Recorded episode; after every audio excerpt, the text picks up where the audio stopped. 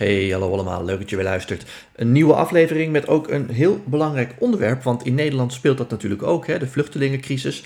Uh, onder andere de discussie in Ter Apel hebben we gehad. Nou, in Amerika speelt die discussie ook. En republikeinse gouverneurs zijn het zat en nemen drastische maatregelen.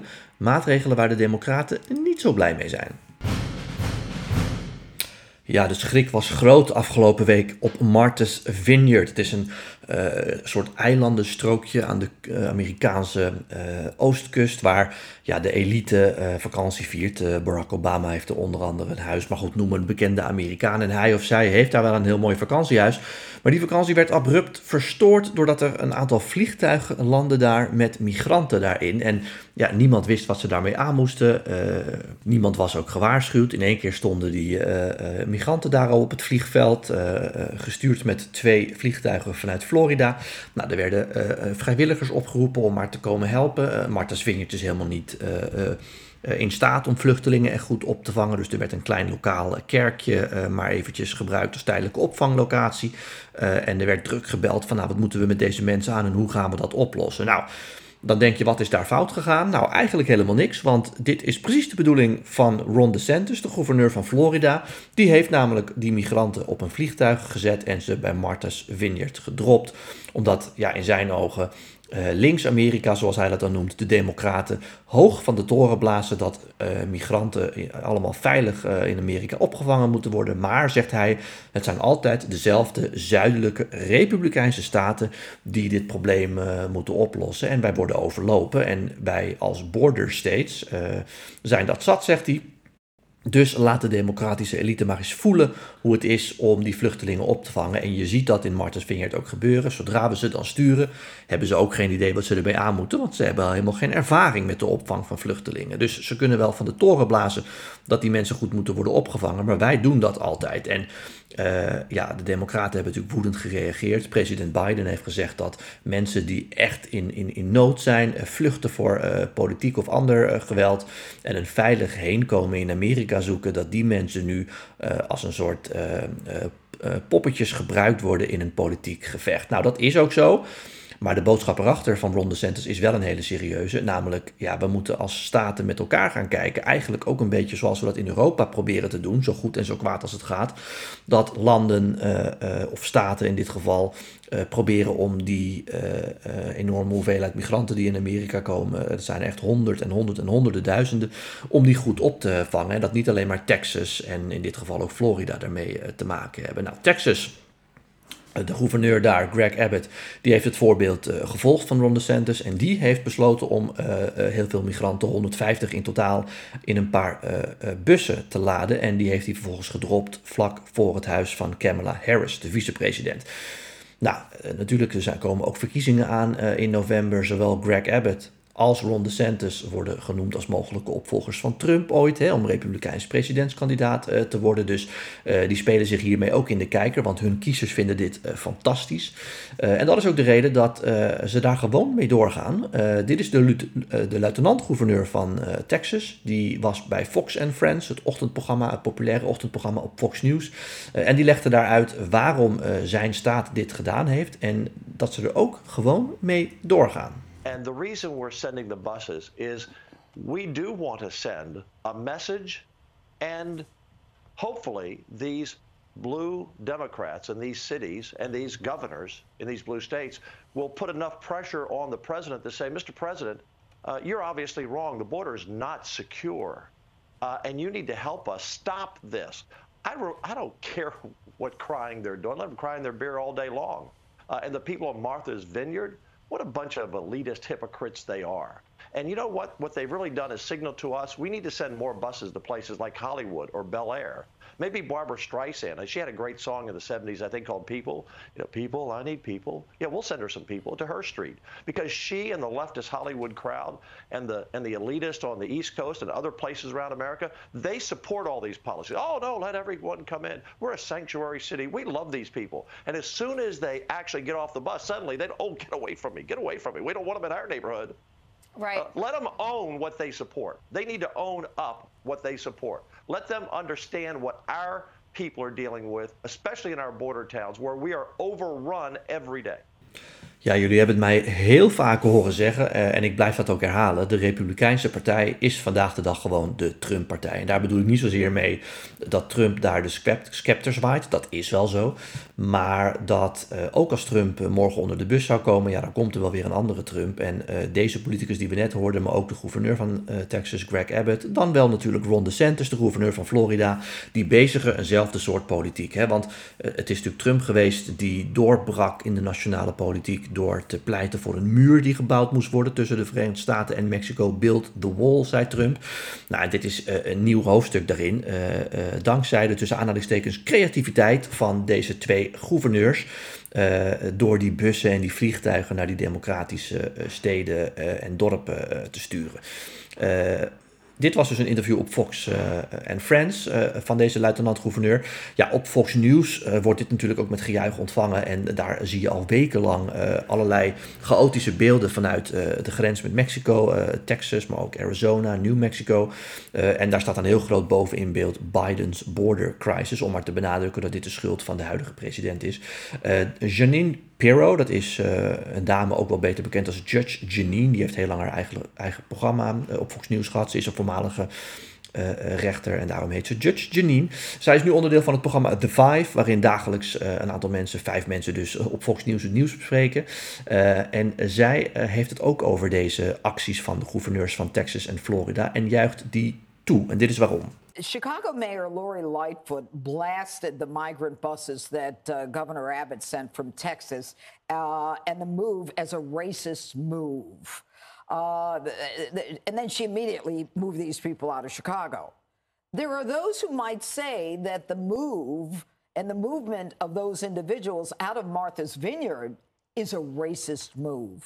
Well, I mean, th- think about what they're saying. What they're saying is these people belong in Arizona and Texas because there's where, uh, that is where a majority of Spanish-speaking uh, South American or Central American migrants already are.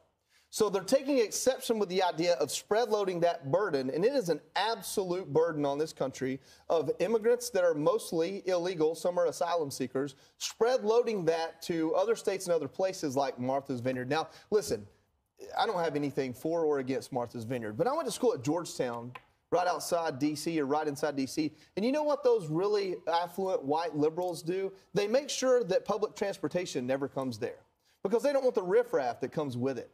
Ja, je hoort het. De boodschap op Fox News en ook vanuit de Republikeinse Partij, die is hetzelfde overal. Namelijk, het is hoog tijd. Deze crisis in hun ogen is al jaren aan de gang. Uh, te veel mensen worden toegelaten, onder andere omdat die muren bijvoorbeeld niet afgebouwd is. En wij zijn het zat dat wij als zuidelijke Republikeinse staten dat varkentje steeds maar moeten wassen. Uh, succes ermee en ga maar eens een handje helpen. En de reden dat ik hier nu over begin is dat het natuurlijk opmerkelijk is. Dat er in één keer onverwachts allerlei bussen voor de huizen van nou, de vicepresident of op een eh, bekend vakantieoord eh, vliegtuigen ineens landen. En dat die uh, steden en dorpjes vervolgens chaotisch proberen om daar wat van te maken. Het zijn natuurlijk opmerkelijke verhalen, dus goed om te delen. Maar ik deel het vooral ook omdat ik denk dat de Republikeinen wel een gevoelige snaar hiermee geraakt hebben. Zo vlak voor die verkiezingen die eraan zitten te komen. Uh, want dit is een onderwerp wat bij hun kiezers, hè, uh, de hele problematiek met uh, Mexico en allerlei migranten die uit Zuid-Amerika komen, is een van de belangrijkste onderwerpen binnen de Republikeinse Partij. Daarom is het ook de Trump-partij voor een deel. en hiermee hebben ze echt iets te pakken wat hun achterban fantastisch vindt. Um, namelijk um, die democratische politici een koekje van eigen deeg geven. En uh, heel eerlijk gezegd is het natuurlijk ook niet zo gek. Kijk, de manier waarop is heel erg vies. Maar is het natuurlijk ook niet zo gek dat uh, die Republikeinse gouverneurs uiteindelijk, na al jarenlang over dit probleem uh, van die massale migratie gepraat hebben, een keer naar dit soort middelen grijpen. Omdat het inderdaad misschien wel hoog tijd is dat die andere staten in Amerika, voor zover ze dat nog niet deden, ook eens gaan bijdragen aan uh, nou ja, het verdelen van de vele uh, migranten die Amerika uh, bereiken. Omdat veel van die mensen Amerika bereiken en door de enorm lange procedures soms jaren en jaren en jarenlang in onzekerheid zitten.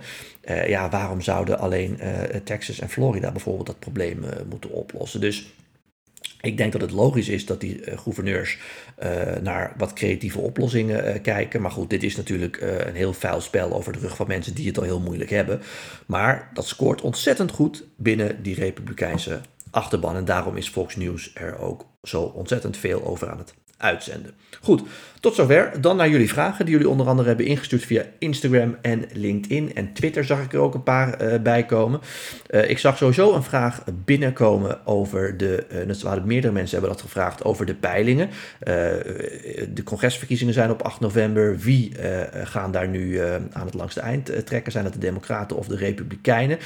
Ja, je ziet dus die peilingen heel erg naar elkaar toe uh, trekken. En je ziet nu eigenlijk dat het nek aan nek is. Heel lang hebben de uh, Republikeinen een enorme voorsprong gehad. Maar uh, sinds die uitspraak over, van het Hoge Rechtshof over abortus. maar ook sinds Biden weer wat feller is. En die Republikeinen af en toe flink streng toespreekt. En ze ook halve fascisten heeft genoemd. En heeft gewaarschuwd ook voor het omvallen van de democratie. Zie je dat toch die democratische achterban ook wat meer gemotiveerd is geraakt. En nou ja, uh, zie je die peilingen naar elkaar toe kruipen. Dus het wordt nog heel erg spannend wie er in november aan het langste eind gaat Dan heb ik ook veel vragen gehad over mijn boek, hoe het daarmee gaat en of je die nog steeds vooruit kan bestellen. Ja, uh, uh, mijn boek gaat natuurlijk ook over het succes van Fox News. Uh, daarom kijk ik ook veel Fox News en daarom heb ik ook net een aantal fragmenten geselecteerd die ik heb jullie heb laten horen. En mijn boek zit eigenlijk vol met dat soort fragmenten. En net hoorde je ook een stukje over Janine Pirro, Judge Janine. Nou, allemaal van dat soort figuren. Janine Pirro, maar ook Bill O'Reilly, Tucker Carlson. Die staan in het boek centraal en ik vertel waar ze vandaan komen, hoe hun carrière is verlopen en hoe ze uiteindelijk uh, zulke populaire pratende hoofden zijn geworden. En dan om de vraag te beantwoorden, ja, die uh, vooruitbestelling kan nog steeds. Kun je ervoor naar Sparkle Auteurs gaan of mijn eigen website. En dan kom je vanzelf op de website en kun je een gesigneerd exemplaar met zelfs nog een persoonlijke boodschap daarin vooruit bestellen. Ja, en over peilingen gesproken, vroeg ook iemand, Jesse is dat, of de Republikeinen een volgende keer, dus bij volgende presidentsverkiezingen, zonder Trump zelfs misschien wel meer kans maken op het uh, presidentschap. En dat vind ik een goed punt. Ik heb dat vaker uh, uh, gezegd. Trump is natuurlijk een unieke persoonlijkheid, maar heeft ook ontzettend veel, nou ja, heeft een sfeer van chaos om zich heen natuurlijk. En heeft zeker op 6 januari iets gedaan waarvan toch een meerderheid van de Amerikanen denkt dat kan niet door de beugel. Dus als je nu je voorstelt dat er een ander soort Trump-kandidaat komt, neem ook weer Ron DeSantis of Greg Abbott, hè, de gouverneurs van respectievelijk Florida of Texas, die eenzelfde soort ideeën als Trump te bedden brengen, zijn aanvallende stijl van politiek bedrijven ook ten tonele brengen, maar eh, misschien niet al die talloze affaires hebben gehad, rechtszaken hebben lopen en ook niet hebben geprobeerd om die democratie omver uh, te duwen, ja, dan vind ik dat een goed punt. Dan uh, zouden zij misschien wel veel meer kans maken om die presidentsverkiezingen te winnen. Het valt of staat er wel mee of ze net als Trump heel erg mensen kunnen mobiliseren. Maar zeker Ron DeSantis lijkt datzelfde talent wel uh, te hebben. Dus uh, wat dat betreft zijn er zeker mensen die een goede kans maken om namens de Republikeinen weer president te worden. En ik heb het ook vaker gezegd. Bij de Democraten kan ik heel moeilijk echt grote talenten noemen die klaarstaan om, net als bijvoorbeeld Barack Obama, heel veel mensen te inspireren. Terwijl bij de Republikeinen kan ik een heel rijtje aan mensen noemen die, net als Ron DeSantis of Greg Abbott, ja, talenten zijn in die Republikeinse partij. Ja, en dan vraagt Mark nog, uh, Raymond, is eigenlijk al bekend wat de ideeën voor Trump zijn voor een eventuele nieuwe termijn? Of is dat eigenlijk wat hij al heel lang predikt? Uh, ja, dat is een hele goede vraag. Uh, daar is namelijk best het een en ander over bekend. natuurlijk blijft America First zijn credo en de hele cultuuroorlog ook. Alleen, hij heeft best wel een aantal dingen bekendgemaakt die hij wil doen mocht hij weer president worden. Hij wil bijvoorbeeld mensen die drugs dealen veel zwaarder straffen, maar... Uh, een van de belangrijkste dingen denk ik wel. Nou, uit de NAVO wil hij bijvoorbeeld nog steeds, heeft hij ook laatst gezegd. Ja, allemaal leuk en prima met Oekraïne. Maar ik vind dat al die tientallen miljarden die Amerika in Oekraïne pompt, dat vind ik het niet waard. Hè? Nou, dat past in het verhaal van Trump dat we Amerika weer op één moeten plaatsen. Dus verwacht ook als Trump zou winnen dat uh, de NAVO toch misschien wel in heel erg zwaar weer uh, terechtkomt. Uh, maar iets anders wat hij heeft gezegd, wat heel erg relevant ook nu is, uh, want ik haalde net ook al even 6 januari aan. Uh, Trump wil samen met alle andere Republikeinse politici het vervroegd stemmen afschaffen. En ook het stemmen per post afschaffen.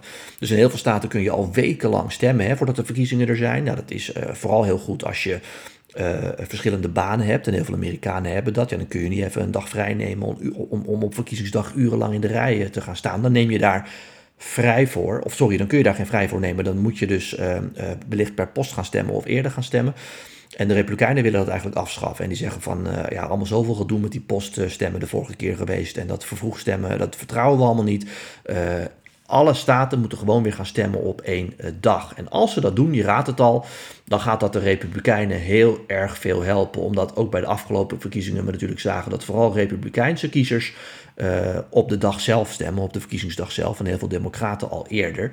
Um, uh, en het, ja, mensen, minderheden, maar ook mensen met minder geld, die heel moeilijk bijvoorbeeld wat ik net zeg, gewoon even op verkiezingsdag leuk urenlang in de rij kunnen gaan staan, omdat ze gewoon geen vrij kunnen nemen. Ja, die worden daar dan de dupe van, die kunnen dan niet meer stemmen. En de Republikeinen denken dat dat goed voor hun is. Dus verwacht ook als Trump of een andere Republikein, zoals Ron DeSantis, president wordt, dat er op dat gebied stappen terug worden gezet en dat hele vervroegd stemmen uh, wordt afgeschaft. Uh, althans, daar gaan ze zich hard voor maken. Overigens vind ik dat wij als Nederlanders daar niet over kunnen miepen. Want in Nederland is vervroegd stemmen ook altijd ontzettend moeilijk. We kunnen ook maar vaak op één dag stemmen.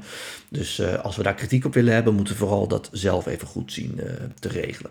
Goed, tot zover. blijf jullie vragen sturen. Dan kom ik daar de volgende keer weer op terug in een nieuwe aflevering. Maar voor nu is dit hem. Tot zover. Tot dan.